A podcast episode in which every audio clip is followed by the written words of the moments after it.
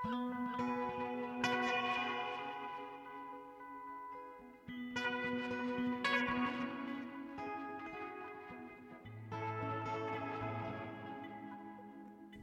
sæl og blessuð við sjá heilsar ágetur hlustendur 5. daginn 20.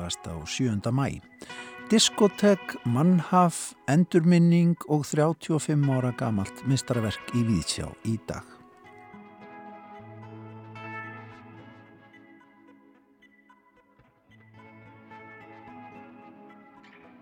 Þann 16. Eh, júni næstkomandi verða nákvæmlega 35 ár liðin frá útkomu hljómplutunar The Queen is Dead með ennsku hljómsveitinni The Smiths. Þetta var þriðja hljóðversplata þessarar rómuðu hljómsveitar og eh, hún er af mörgum talin vera ekki aðeins merkasta plata The Smiths, hápunkturinn á stuttum ferli, heldur ein af bestu plötum nýjunda áratöðurins. Við ræðum við Kjartan Guðmundsson, kennara og tónlistaráhuga mann um plötuna í Víðsjá í dag.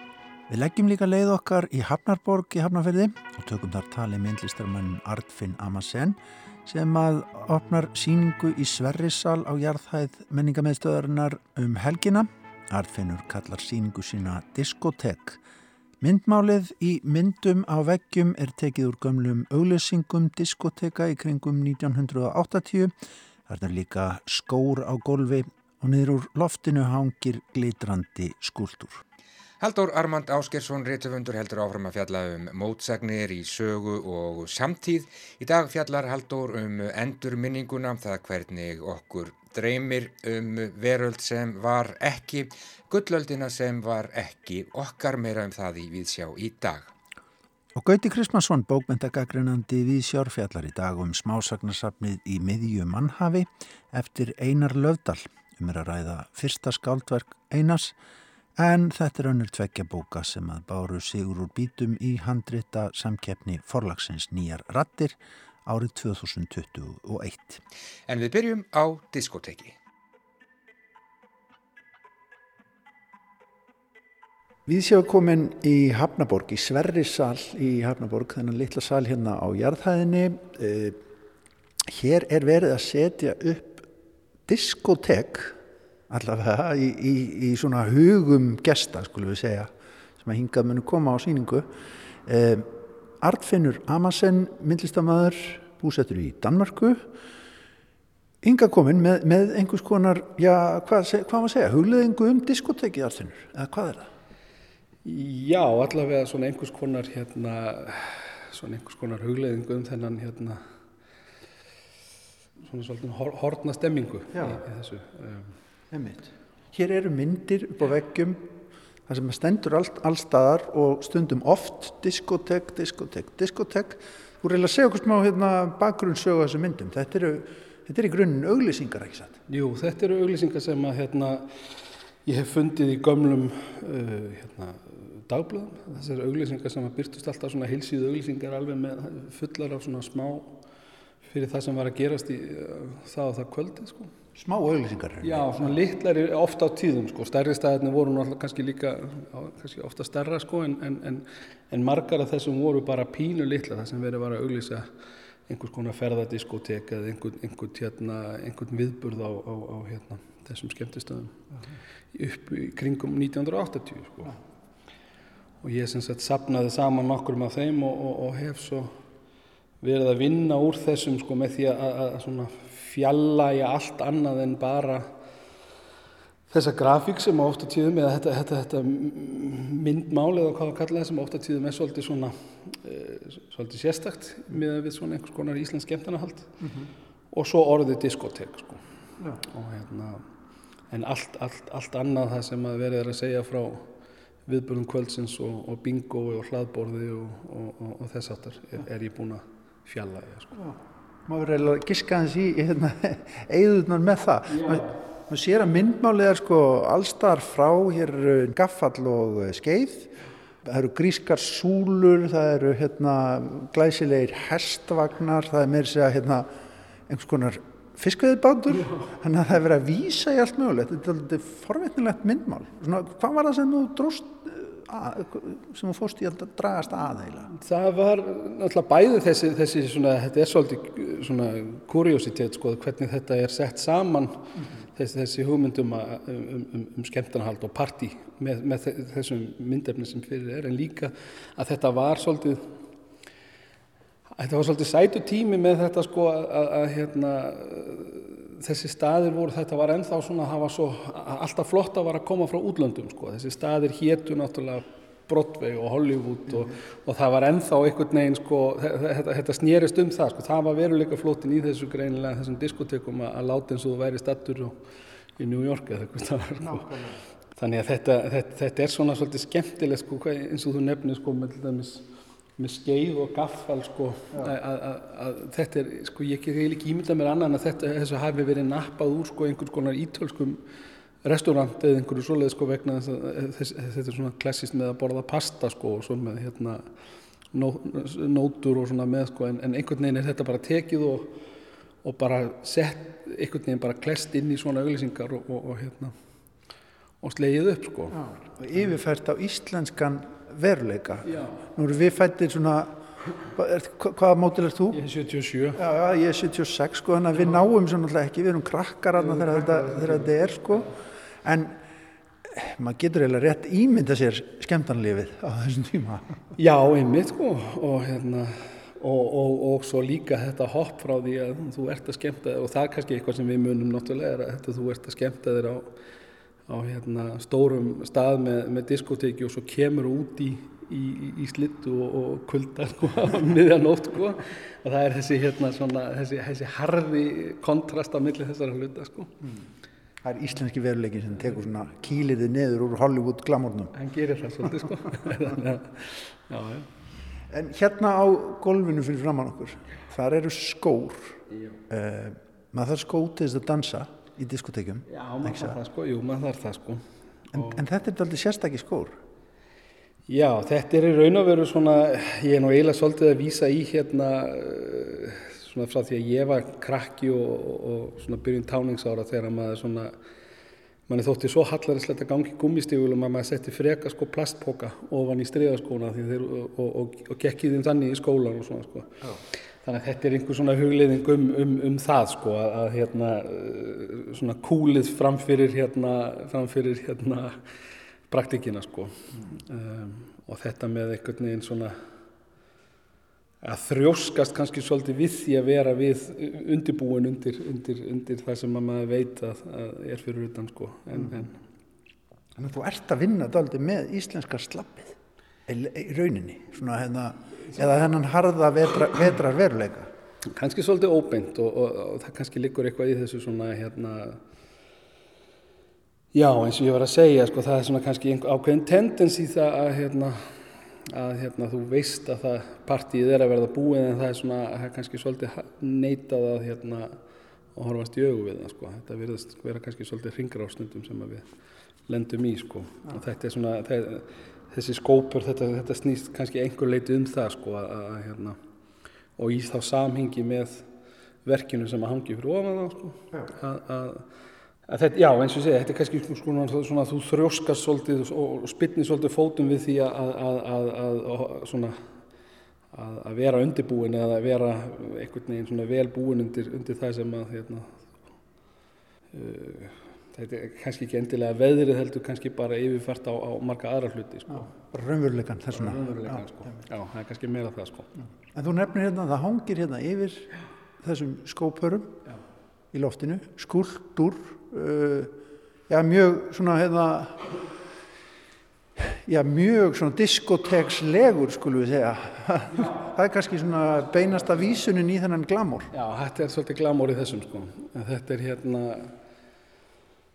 já, í raun og veru formið á þessu er sko hérna er í raun og veru svona, svona, svona prentklísja fyrir sko fyrir óveðu skí þetta er svona skí sem að sem að, sem að eru með, með, með, með þrjumum og eldingum í allar áttir sko. En ég er semst búin að taka þetta form og, og, og, og svona einhvern veginn uh, bræða það saman við sko diskokúluna. Og hérna sem að hangir alltaf við við gólfunum og setur stemminguna. Og þetta verk heitir stemming og hangir hérna svona svífur hérna við vötnum sko maður hugsar pínliti inn á diskotekið en líka og inn í þá lokuðu veröld sem að það er yeah. og svona þetta ægila stuð sem á þar, á þar að hérna, ríkja einhvern veginn.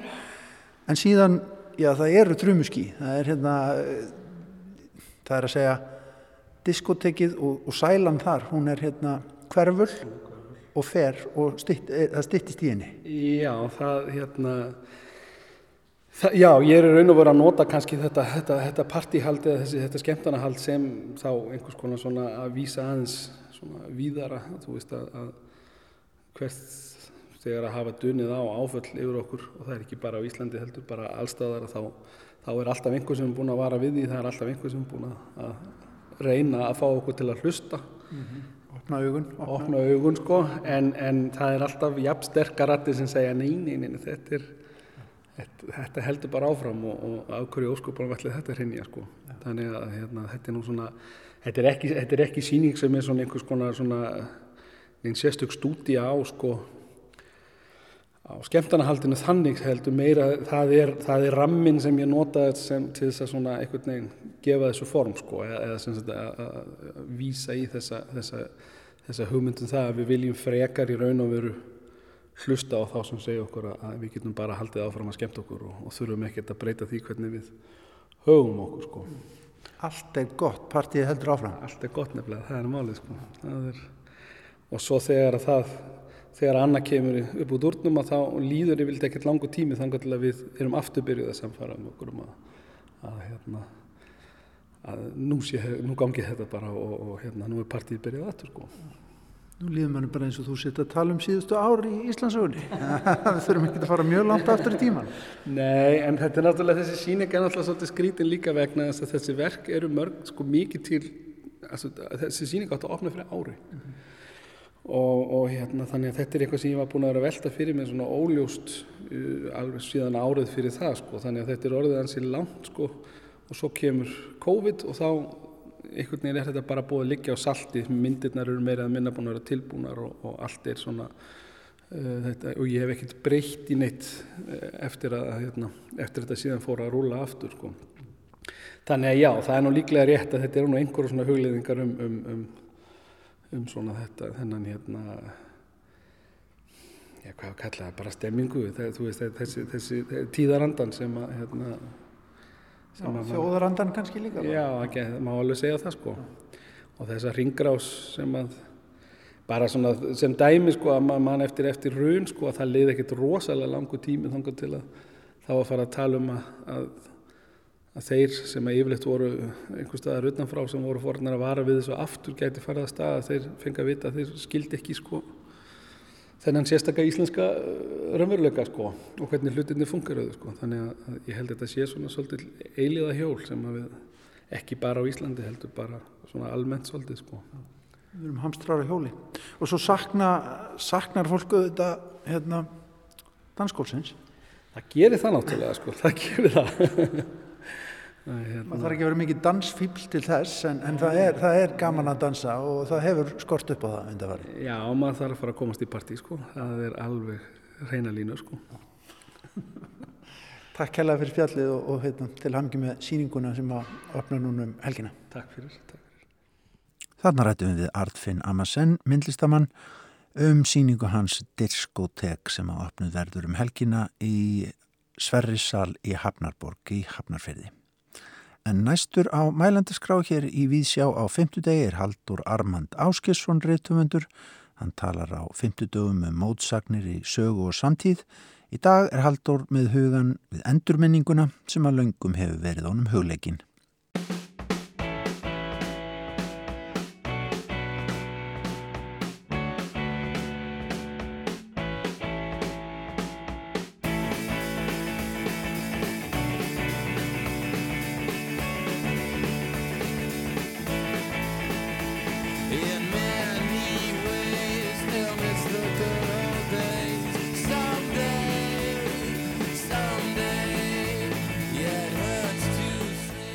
Allir eiga þessi draum um fortíðina ekki satt. Það er bara eitthvað við það hvernig mannshjórin virkar að hann verðist sjá heiminn gegnum ljós liðins tíma. Ég lít svo á að þetta sé ein leið til þess að skilgreina fullorðins ár. Maður er orðin fullorðin þegar maður á sér raunverulega fortíð. Fortíð sem maður minnist Fortíð sem litar upplifun manns af líðandi stund. Þessi fortíð er búin til úr einhverju sem ætti kalla skilgreinandi minningar, augnablikum sem skera sig úr og eru eintaklingsbundin. Það er stundu sagt að tímabil á æfiskeiði fólks hafi færst til síðustu áratvíi. Færtugsaldur sé nýji þrítugssaldurinn og svo framvegis. Ég er svo sem bara að láta hugan reyka hérna en ég held að slíkar pælingar spretti ekki úr tómarúmi. Það er algjörlega viðtekið í dag að vera í mentakerfinu langt fram undir eða fram yfir þrítugt. Ungt fólk á í erfleikum með að komast inn á húsnæðismarkað og býr miklu lengur með fóröldur sínum. Í heimsfaraldri hefur ég framt færst í aukana að ungt fólk flyti aftur heim til fóröldar sína. Ég held að í þessum skilningi sé fólk þess vegna ungt lengur ef svo móð orði komast það þróskast hægar vegna þess að það eignast hægar og færri skilgerinandi minningar á hennu staðlaða færibandi metakerfisins og í gamla úlingaherbygginu sínu. Þetta er auðvitað mikil einföldun en ég held að þetta sé enginni á fullornu fólki. Þau sem aður mætir á göngun eru við sjó, brefberinn sem líður um götunar á rafvagni, konan sem velur papriku í græmitisteldinni í netto, ég segi sjálfur mér að allt þetta fólk eigi sér einhver draum um fortíðina, einhverja skilgrinandi endurminningu, einhverja gullöld sem það óska sér að geta endurheimt. Þegar Ívan Iljits líkur þjáningarfulla banaleguna í mestraverki Tolstóis, döiði Ívans Iljits, á hans samtal við sína eigin sál sem spyr hann hvað hann vil. Ívan segist vilja losna undan sársökanum og lifa áfram. Lifa áfram, spyr þá röttin honum. Hvernig? Ég vil lifa lífinu eins og það var einu sinni, svarar Ívan Iljits. Hamingjuríkt og gott. Tillettun hefst og í huganum fór hann að horfa yfir bestu tíma lífsins. En það sem var skrítið var að allir þeir bestu tímar sem hann hafði upplifað í sínu góða lífi virtust ekki líkast því sem þeir voru áður. Ekkert gerði það nema fyrstu minningarnar úr barnæsku hans. Þarna, í æsku hans, var að finna einhverja sanna hamingju sem hann hefði getað lífað aftur. En manneskjan sem upplöði þá hamingju var ekki til lengur. Þetta var eins og að muna eftir einhverjum öðrum til einhvern líkur. Sjálfur trú ég því að endurminningin sé einn skýrasta vísbendingin um það að það sé eitthvað bóið við það, hvernig við upplifum tíman. Time is out of joint, segir Hamlet. Tímin er úr lið. Þetta segir hann í kjölfæra á því að hafa hitt draug hins myrta föðu síns. Kanski er hann að hugsa um einmitt þetta, hvernig það er stundum eins og ekkert aðskilji hiði liðina og augnablikið hér og nú. Látin fadir hans er snúin aftur, það sem var horfið er komið aftur, að það sé engin raunveruleg aðgreining mittir það sem gerist einu sinni og það sem gerist núna. Það má vitaskuld hæglega að finna darfinískar ástæðar fyrir því að við munum hluti yfir höfuð. En ég neyðist til að halda að hluti af því að upplifa lífið sé að muna eftir því. Lífið er upplifjun. Er eitthvað merkilegt að minnistætt gerist. þá er það hluti af sjálfu augnablikinu að rifja þau upp síðar meir. Þar sem það heldur áfram að verða til, merkingin skýrist eða brenglast. Eins og millir tveggja skíakljúfa likur strengur millir upplifunarinnar og endurminningarinnar. Langt, langt fyrir neðan streymir um fyrir tímans í allar áttir. Þess vegna trú ég því að þegar konan sem ég horfi á brjóta heilanum réttu paprikuna og röfjar á sama tíma upp eitthvað merkilegt sem markaði vatnaskil í hennar lífi, þá sé þetta augnablík í græmitistildinni í netto hluti af þeirri upplifin, strengurinn liggur yfir tímanum. Nostalgían, draumurinn um gullölduna, toppformið, þegar allt gekk að óskum og lífið var eitt stór möguleiki, þegar lífið var, eins og Ívan Iljit segir, hamingjuríkt og gott. Þetta held ég að allir kannist við. En síðan er til annars konar endurminning, annars konar draumur um fortíðina. Ég veit ekki til þess að það sé til neitt orði yfir þessa tilfinningu. Það er endurminningin um lífið sem var aldrei þitt, draumurinn um fortíðina sem þú varst ekki hluti af, bókum veröld sem var ekki. Þetta er munin á því að dreyma um að vera landslismadur eða landsliskona í fókbóltan, sem er draumur um núið sem er ekki og að dreyma um að hafa einu sinni verið í úlingalandsliðinu sem er draumurinn um það sem var ekki vera ungur og fagur og með gegjaða klippingu og óbúslega góður í fókbólta en bera samt ekki ábyrð á neinu, ferast um heiminn vinna Noreg, núleitt varnasíður í framteimi fá síðan ekki tækifæri í meistaralflokki, láta mótlætir ná til sín, fá áhuga á djamminu, æða hann og margt annað spennandi í lífinu en fókbalti, hverfa inn í allt annað líf, verða hagfræðingur, verða rithöfundur, sérfræðingur hjá umhverjastofnun, en eiga alltaf landslið stuppbuksunar sem þú notaðir í leik, mæta í þeim í bumbubólta og rústa öllum og vera allt í einu típan sem á ekki að vera ókslega góður í fókbalta, en er það sant? Hei, hann spilaði vist með U17 og U19.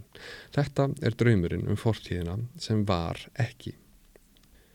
Eitt besta dæmið um þetta úr mínu lífi er myndbandið við lægið Someday með The Strokes. Myndbandið er í stuttumáli sett saman úr alls konar svipmyndum af afslöpuðum gleði augnablikum úr heimi hljómsdarinnar. Meðlimir hennar eru allir óbúslega fagrir, miklu töffarar og óaðfinnanlega til fara. Þeir drekka kóklas með röri, fá sér innismók, hlæja og drekka bjór með frægum vinnu sínum. Það er einhver nostalgíja yfir þessu öllu saman. Edens keimur. Við horfum tilbaka inn í gullöldina sem helst í hendur við ángurverðina í upphafs gítarhljómanum og svo auðvitað textan. In many ways they'll miss the good old days, someday, someday, syngur Julian Casablancas. When we was young, oh man did we have fun, always, always. Það er fristandi að líta svo á að þetta myndband sem ég get hort endalust á fangi einhvers konar draum hljómsdarinnar The Strokes um sjálfa sig, um sína eigin gullöld. Nema hvað að Someday er reyndar fymta lægið á fyrstu plötunni, Is This It sem kom út árið 2001 það er þess vegna engin fortíð til þess að dreyma raunverulega um. Það væri annað mál ef Someday væri lag á einhverju plötu með Strokes á 2017 en myndbandið væriði sama Þert á móti held ég að þetta myndband hafi lengt og ljóst verið skapað til þess að veiða menn eins og sjálf á mig í gildru. Menn sem dreymir um fortíð sem þeir voru ekki hluti af. Menn sem dreymir um að hafa einu sinni verið mjór gallajakkar okkari í gömlum konverskóm sem fekk sér innismók og flöskubjór á bar og seldi plötur í miljónatali í félagi við aðra listaháskóla gengna afkomundur auðmanna í New York í upphafi aldarinnar. Þetta er fortíðin sem aldrei var gullöldin sem aldrei átti sér stað, fortíðin sem við dreymir samt um. Lífið er endurminning um það sem gerðist aldrei. Endurminningin er hljótandi eins og vögvi, þú kreppir lofan utan að manna en hún rennur þér úr greipum.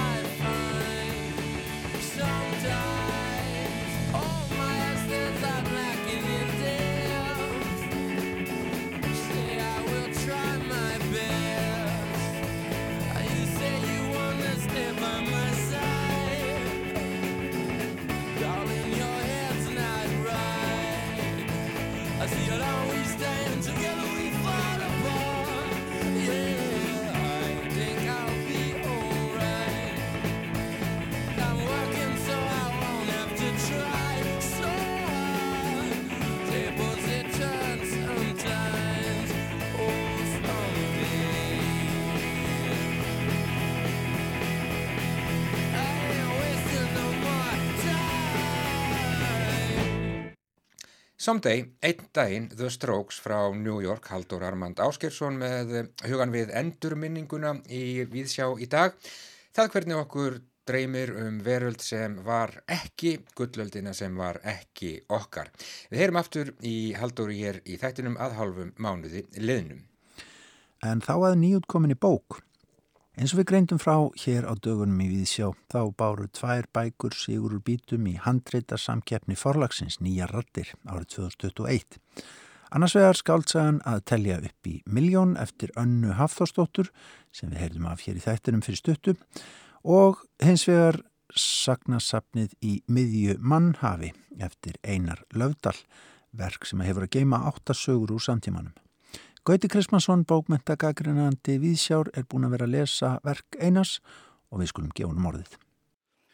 Ung skáldin spretta upp þessa daga eins og túlipannar á vori. Ein af ástæðunum er handreitasamkeppni forlagsins Nýja rattir, en vegna hennar voru tvær bækur að koma út, smásagnarsafnið í miðju mannhafi eftir Einar Löfdal og skáldsagan að telja upp í miljón eftir önnu Hafþórsdóttur og verður nánar um hana fjallaða viku liðinni. Smásagnarsafnið samastendur á átta sögum sem verðist við fyrstu sín vera alls óskildar. Það er ekki sameinlega sögupersonu til að mynda. Hins vegar standa nokkur atriði upp úr, sem þó er ekki hægt að kalla þemu, þau koma einfallega fyrir í sögunum. Eitt er fótbolti, eins og til dæmis í fyrstu sögunni og titilsögunni, og annað geti verið balleysi. Einnig er snert á eitraðri kallmennsku í nokkurum sögum. Sérstaklega þó titilsögunni, annari sem heitir Rót og loks vegna atviks hér innanhús, sem er skriðið sem tölvupóstur eins og fyrsta sagan er einnig. Sögurnar átta eru haganlega skrifaðar, raunsæjar og snerta hluti í samtímanum sem hreyfa við okkur tölverð þessa dagana. Í fyrstu sögunni við vorum mestarar skrifa sögumæði til vina sinna langa útskýringu á því hversun hann kom illa fram við félagasinn í boltanum og við fáum insýn í þráungs manns eftir föður og fyrirmynd. Auðvelt var að tengja við þessa tilfinningar unga mannsins. Aðteklisverðu snúningu verður á sögunni eins og vera ber í smásögum en það er eitt helsta einkenni þessa bókmyndaforms. Saga nr. 2, hversuna getur við ekki flóið, fjallar á yfirborðinu um spælingu vinar í partíi, en snýst undir niður um löngun manneskjunar til að eignast börn. Um leið glittir í trínið á kallmennskunni, þessum brandaraköllum sem grínast á annara kostnaða, lind og ljóst. Það er kannski ekki enga kallmanna, en samt tölur veru hluti af menningu þeirra og er stundum beitt í raunverulegu gríni með nokkur um saltkotnum af íróníu og gætnan sjálfsháði, jafnvel til að hæla vininum sem fyrir verður, en svo er það hinnir sem reyna að hækka sig á stalli með því að skjóta á veikleika vina sína og þeir eru af annari hlaupvít. Þriðja sagan Blöðrur er svo óræðasta. Þar eru þrjár kynsluði kvenna í öllum aðalutverkum, amma, móðir og dóttir. Mér sínist að vera dálítið nösk aðtögun á því hvernig mæður og ömmur sjá börn með mismunandi hætti. Örlítill pyrringur hverstaksins olgar undir, en samt geta mæður og dætur alltaf náð saman á endanum. Eða hvað? Rót heitir fjórðasagan og hér er tekið á eitraðri kallmennsku brandarakallana í félagahopnum í bísna hrollveikjandi sögum vinskap innan gæsalappa, sem snýst fremur um að niðurlæga. Sagan fer hins vegar með sögumann og lesendur í nokkuð óvænta átt og tekur kannski betur á vandamálnu en hann og viniðir góðu áttu von á. En sömur ungir kallmenn verðast líta á vinskapsinn við einhverja í hópnum sem eitt stekjapartí og kannski má greina eitthvað óþól höfundar gagvart því. Fymtasagan í miðjumannhafi tekur á henni eitruðu kallmennsku undir fáuði yfirborði, kallmennsku sem brist út á fótbolltaleg. Hér er undir streykað að engin manneskja er öll þar sem hún er séð og í þessu tilfelli kynist sögukonan manni sem kemur henni á óvart með því að bjóða henni á knaspunuleik og svo aftur þegar hún kemur að hann er með ungan són sinn sér við hönd. Lokin á sögun eru svo klassísku snúningur. Þetta er samt mjög vel uppið saga úr hver steinum sem geti gerst á hverjum degi, hvað sem öllum snúningum líður. Eftir kvellin er allt hljótt, er saga um þrýhyrning og hvervel og ungs manns sem áttar sig ekki á því sem er að gerast fyrir en óvænt aðvig gerist það sem hann er stattur í danska bænum Kolling. Þarna nýtir höfundu sér raunverulegan atburð en árið 2004 var mikil sprenging í Kolling þegar flugveldaversmiða sprakk í loftu upp. En sprengingin opnar auðu hans fyrir því hvar hjarta hans er statt á því augnabliki og það kannski ekkit síður sár uppgötun en glerbrotin ollu sem hann fekk í sig við hana. Höfundur notar aftur form tölvupóstsins í sjöndu sögunni vegna af atviks innanhús og aftur er manneski að tala eigin máli. Í þetta skipti kona sem hefur látið far úr starfi sem hún hafði mikla ánægju af. En hún hafði verið fornalarn mannsnokku sem hún hittir í tengslu við starfið og þegar það kemur upp er brotið raun og veru endutekið og hún rekin úr starfi. En hún neytar að vera fornalamp og sendir hennan tölvupóst sem hún kalla reitgerð til fyrir um samstarfsfélaga sinna. En á ný ofinberast kallmenska í sínu ljótasta ljósi. Lokasagan Glæður er að dálítið öðrum toga en flestar hinna og hún býr yfir nokkuð sérstæðu andrónslofti þar sem hún segir frá líkbrennslumanni á útfarastofu, manni sem segir ekki fari sínar í lífinu sléttar, en virðist hafa fundið að miskust í fjöl til að standa á. Endurinn á sögunni er kannski nokkuð fyrirsjánlegur vönum lesendum býst ég við, en höfundi tekst samt að gæða hann romantískum blæ eins og týðkast í klassískum smásögum fyrir tíma. Þessi frumrönn Einars Löfdals bóða bara nokkuð gott sínist mér. Hann er greinlega lipur penni og hefur ágætt vald á formi smásögunar og kryttar hana með nútímavæðingu eins og formi tölvupósins. Stílinn er áreinslulaus og frásagnina líða vel fram í raunsæði sínu en kannski mætti vera örlítið meiri fyrirstaða hér og þar. Mestum verðt er þó að hann tekst á við efni sem skipta máli í samtímanum og skoðar fordómálist fyrir bæri eins og kallmennskuna frá ymsum sjónarhólum, gerenda og fornalamba báðum kynjum og þessi afhjúpun eða afbygging kallmennskunar gengur vel upp að mínu mati. Það gefur góðar vonir um að þessi túlipanni blómstri fallega áður en langt um líður. Saði Gauti Grismansson um nýjútkomið Sagnarsapn í miðju mannhafi eftir einar löfdal. Og eins og framkom hjá Gauta þá mun hann fjalla um hinabókina sem bar sigur úr bítum í handrita samkeppni forlagsins Nýja rattir skaldsöguna að telja upp í miljón eftir önnu hafþórstóttur hér í Víðsjá í næstu viku. En þá ágætu hlustundur að allt, allt öðru við skulum fara nákvæmlega 35 ár aftur í tíman.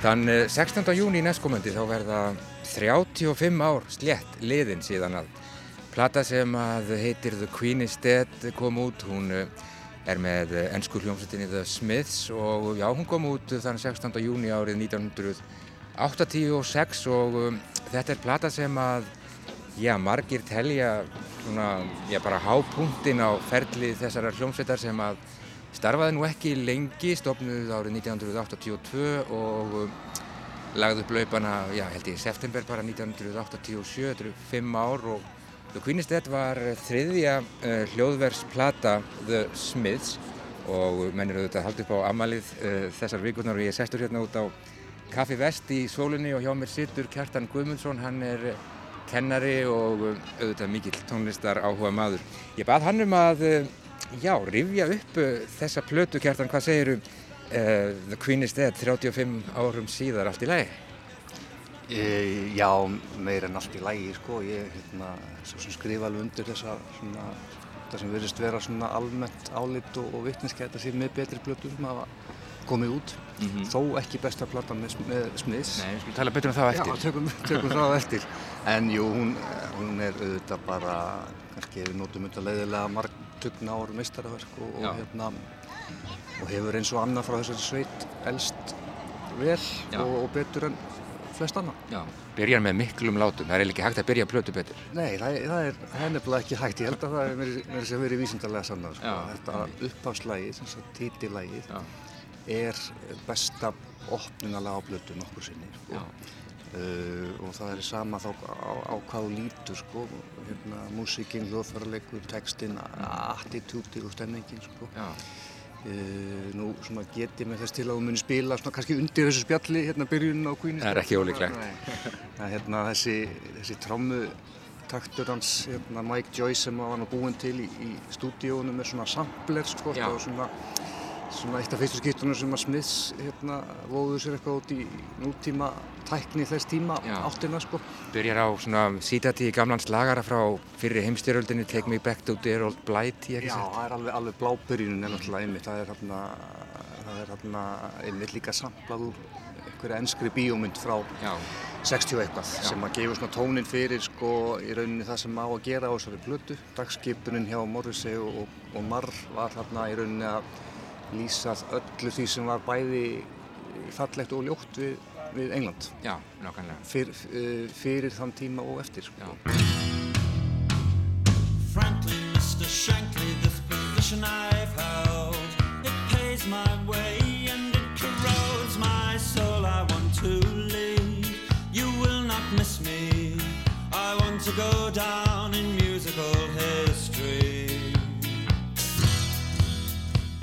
Sko við erum stattir þarna á miðjum eh, nýjunda áratökunum, þetta er, er Thatcher tímin og við veitum auðvitað hvað eh, Morrissey, uh, hvaða skoðun hann hafði á Margaret Thatcher, hann vildi setja hana bara í högstokkin eins og hann söng einhver tíman í, í, í lítilli ballöðu en þarna er sko, þarna er einhver tíðarandi og The Smiths þeir endur speikla einhver tíðaranda en búa nöðu til um leið.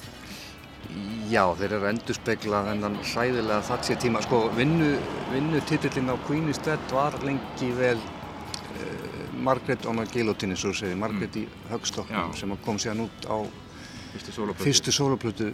Morrissey, þannig að það var augljóst svona hva- hvernig stemningi var þarna hjá honum á þessum tíma. Sko. Já, þeir eru, þeir eru svolítið að endurspegla þennan leiðinlega og dauða tíma í, í ennsku, sko, eða svona, já, svona félagslega í Englandi, sko þó að úr því að þetta sprottið ja, mikið af kannski bestu og, og svona frjóðustu músík sem við höfum heyrst sko, en, en þá skilst mér að sko, ég, ekki það að ég hef verið á staðnum, ég var nú svona rétt tæplega fættur þarna sko, en, en, en, en, en mér skilst að það ekki verið mjög gaman eða gefandi að vera ungmenni á Englandi, í Englandi á þessum tíma. Sko. Það hafa verið að slátra heilu sko, þjóðfélagshópunum og er það markvist verið að vinna því að slátra uh, hérna, verkamannastjættinni og, og heilu verkamannabæjunum og borgunum út um allt landið, sko, sérstaklega með norðamegin í landinu, það sem að þeir komu þetta smiðirni sjálfur. já.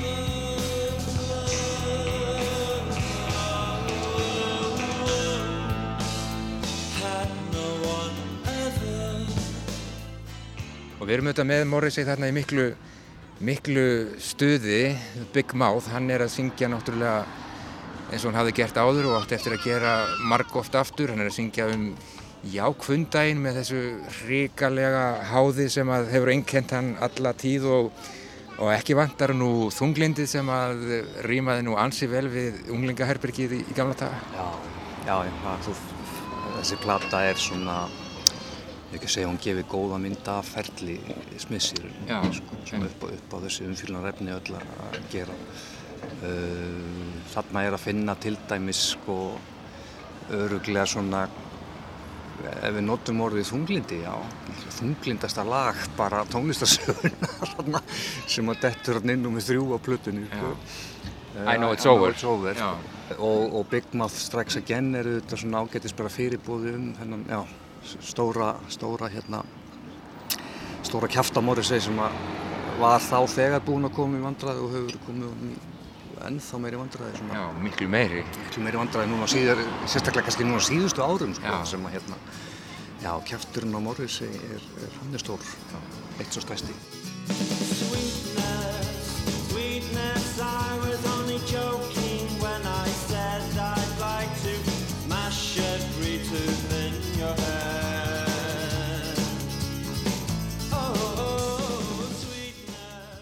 Hvað má segja um, um svona hljóðheimin eða soundið á þessari plötu? Þeir vinna þetta með eh, náunganum sem að heitir Stephen Street, ekki satt?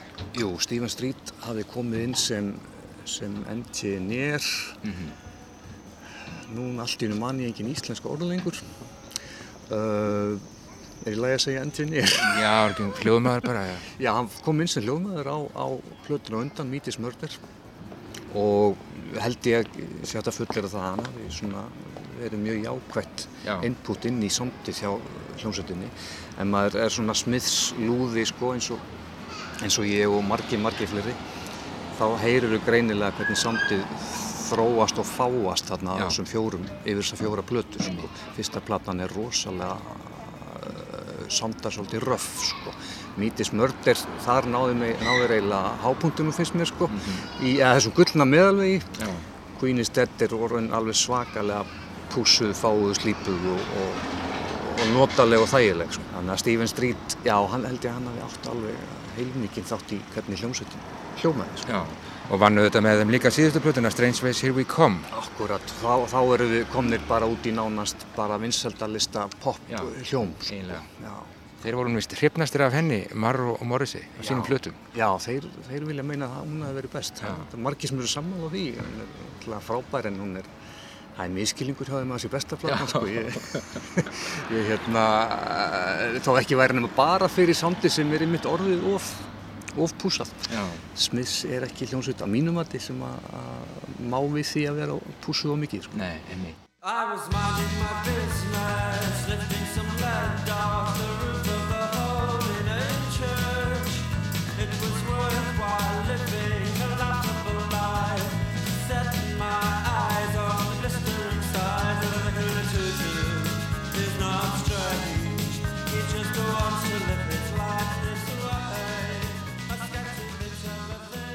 Um, hápunktarnir á, á þessari uh, 35 ára gömlu plötu kjartan. Hápundarnir, já.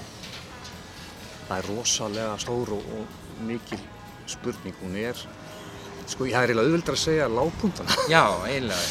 Af því að, sko, það er þarna vegna þess að núna er, er ég komin svolítið inn í tónlistar, pop, nörda, smiðsskap svolítið mikinn, sko, en, en, en uh, af því að hún er svona almennt, segja, pöpullin hefur svona ákveðið að þessi plata sé svo besta sem að smiðskeri. Hún er alltaf, í- eða hún er yfirlega á listum, hérna, listum tónlistartímarita yfir bestu plötur allar tíma og, Já, já. og svo frammeins eina smiðsplata sem að kemur þar oftast fyrir, sko. En uh, hún er, lögin eru ekki öll upp á tíu eins og Nei. dæmis á Mítis Mörder sko. Það er þarna tvö lög vikkarinn að Tutu sem er svona hálflag, finnst mér eins og hefur alltaf verið klárað sko. Og uh, no one, uh, Never Had No One Ever sem að er á fyrirleginni, minn nummer fjögur. Minn, Ég er mjög hrinn á hriði. Já, sko, það, ég ekki að meina að þetta séu sko endilega slæmlög en með að við restina af dundurinn á þessari plötu þá svona einmitt. dragaðu hann örlítið niður sko. Leð mér nefna tvo hápunta, það, er upp, er upphafslægið eins og að leggur sig. Uh, eins og ég segi, eins og ég sagði að ég get ekki, get ekki hérna, fundið eitt flöt á, á því öllu saman sem er uh, þess virði að deila nokkuð á sko. Svo er það uh, setni hlutin á, á smáskjöfunni Boy with the Thorn in his Side. Uh, sem er auðvitað eitt af kannski vinsalistu lögum Smiths. En þetta er mjög einkennlegt lag í uppbyggingu. Þetta er, það er, hann syngur hérna tvö held ég vers og eina brú. Og síðustu tvær mínútur af læginu er bara, er í rauninni bara sko, svona instrumental jam hjá Marr þar sem hann leikur sína listir. Og Morris segir svona músar eða jólar yfir. Já. og þetta var mikið gaggrind á sínum tíma. Þetta þótti bera merki um það að Morrissey væri orðin latur nefndi ekki að klára Eh, þetta væri þetta væri skortur á hugmyndum eða skortur á, á hugrekki eða ímislegt þessar tvær síðustu mínútur þar sem að, þar sem að Morrissey er í rauninni ekki að segja neitt heldur bara að gefa frá sér ykkur hljóð mm -hmm. samofið við hennan guðdómlega gítarleik Johnny Marr þetta finnst mér sína rauninni einna best hvað Smiths sem hljómsveit var færum að gera sko. það voru ekki bara einhverju þunglindist textar fyrir unglinga upp í herbyggi sko. þetta voru alvöru uh, stórkostlegir tónlistar Já.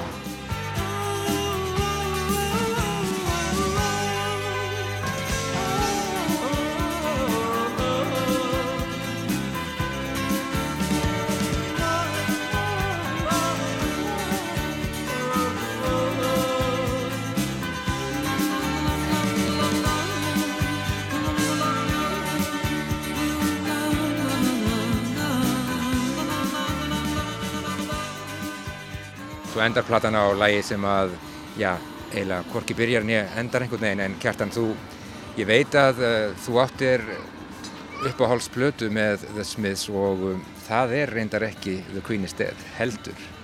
Já, mín uppbóðsplata er, er plata sem kom á undan, Mítis Mörder. Uh, og allir ástæðan fyrir að mér þykir hún best sé ekki svo að það er aðeins meiri brottur í henni. Já. Um, það er ekki búið að pússa þá alveg nýra beini sko. Og það eru engin lög sem að draga hana niður, þau eru öll A+. Uh, og það er með sér lög sem að var ákveðið að halda fyrir utan Mítis Mörder sem að hefðu gert hana ennþá betri en það þurfti ekki til sko. hún, er, hún er fullkominn demantur svona nákvæmlega eins og hún er sko. já. Ég er bara algjörlega sammálaður Kjartan Guðmundsson en uh, það breytir ekki þeirri staðrind að við höldum upp á afmælið The Queen is Dead, ótröður og bliðunarlaust hér í sólinni uh, við Kaffi Vest í, við Hofsvallagötu. Uh, hefur ekki bara hlusta á Morrissey, þú myndist nú reyndar á það sko, hvernig hann hefur svona í setni tíð kannski málað sig út í hot. Gleimum því ekki hann á að baki líka mjög langan og daldi glæsilegan sko soloferil en það er ekkert margir að tala um Morrissey nákvæmlega núna. Uh, nei. Af ýmsum ástæðum. Af ýmsum ástæðum og, og, og hérna, svo sem verður bara hver að gera það upp í sig hvað, hvað hann gerir með Morrissey sumir hafa ákveðið að hérna, ákveðið að hætta að hlusta á hann eða hann enn ekki að hlusta á hann þess að þið finnst skoðanir hans á hann í ýmsum málum uh, hérna viðurstyggilegar eða, eða hann vera orðin gammal leiðinda rasista freddur uh, og það er bara í fínu lagi. Persónulega hlusta ég, ef ég lítið hlusta á, á allra síðustu plötur einfallega mér finnst það ekki nú skemmtilega. Nei, nákvæmlega, en byrjaði vel. Byrjaði frábælega og síðasta góða, virkilega, virkilega góða platan hans kom út 2006 fyrir 15 árum sko og síðan hefur hann svo sem ekki hérna, náð máli aftur. Uh, ég held að, að ég held að það hérna, já eins og sé að verður bara hver að gera það upp í sig. Ég, það er ekki vegna þess að ég hafi ákveðið út á einhverjum ákveðnum hérna, skoðunum hans eða setningum að hlusta ekki á hann. Það er ekki alveg náðu góður sem hlutur. Nákvæmlega. En við höldum upp á afmælið The Queen is Dead. Hún er 35 ára gömul, kom út þann 16. júni árið 1986. Takk fyrir spjallið Kjartan Guðmundsson og ef ekki bara hlusta. Endilega hlusta. Take me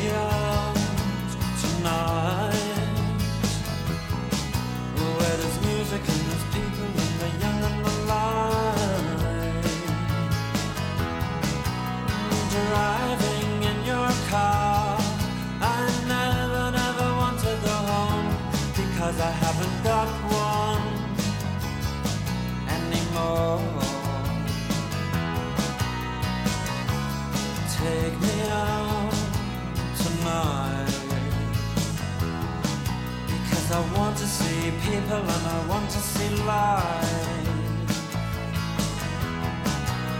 Driving in your car.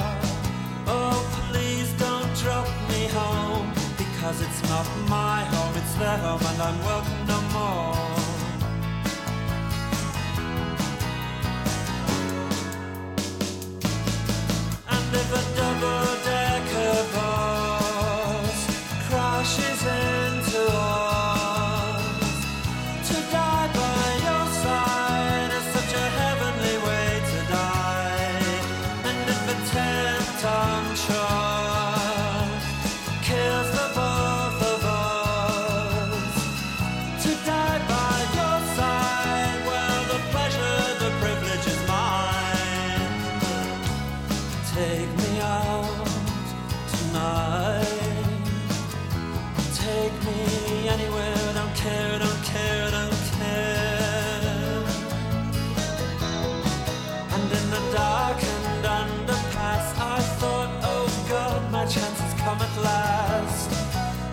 strange fear gripped me and I just couldn't ask. Take me out tonight. Oh, take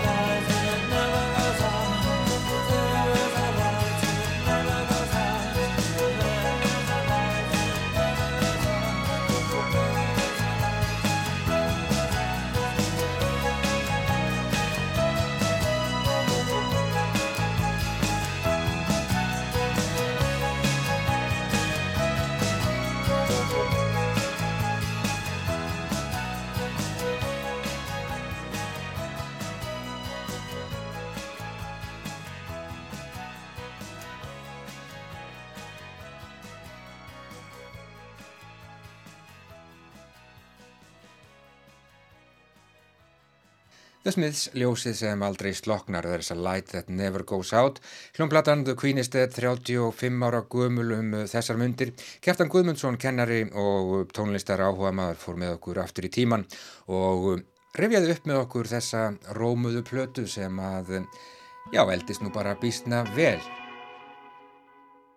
Og í þessu skæra ljósi ljúkum við viðsjá í dag og þessa vikuna. Við verðum hér aftur á morgun á okkar tíma á okkar stað í dagskrára ásar 1, löst eftir klukkan fjögur á mánudag. Við minnum á úrval úr vísjárþáttum þessari viku á dagskrára ásar 1 hér klukkan 14 á sunnudæn en bendum hlustandum jáfnframt á að það er hægt að hlusta á vísjárþættina með ymsumhætti inn á Spotify í hlaðvarpi og auðvita á spilara rúf þar sem þeir eru yfirlegt settir inn niður kliftir. En við segjum þetta gott í dag á getur lustendur. Takk fyrir samfélgina. Verðið sæl.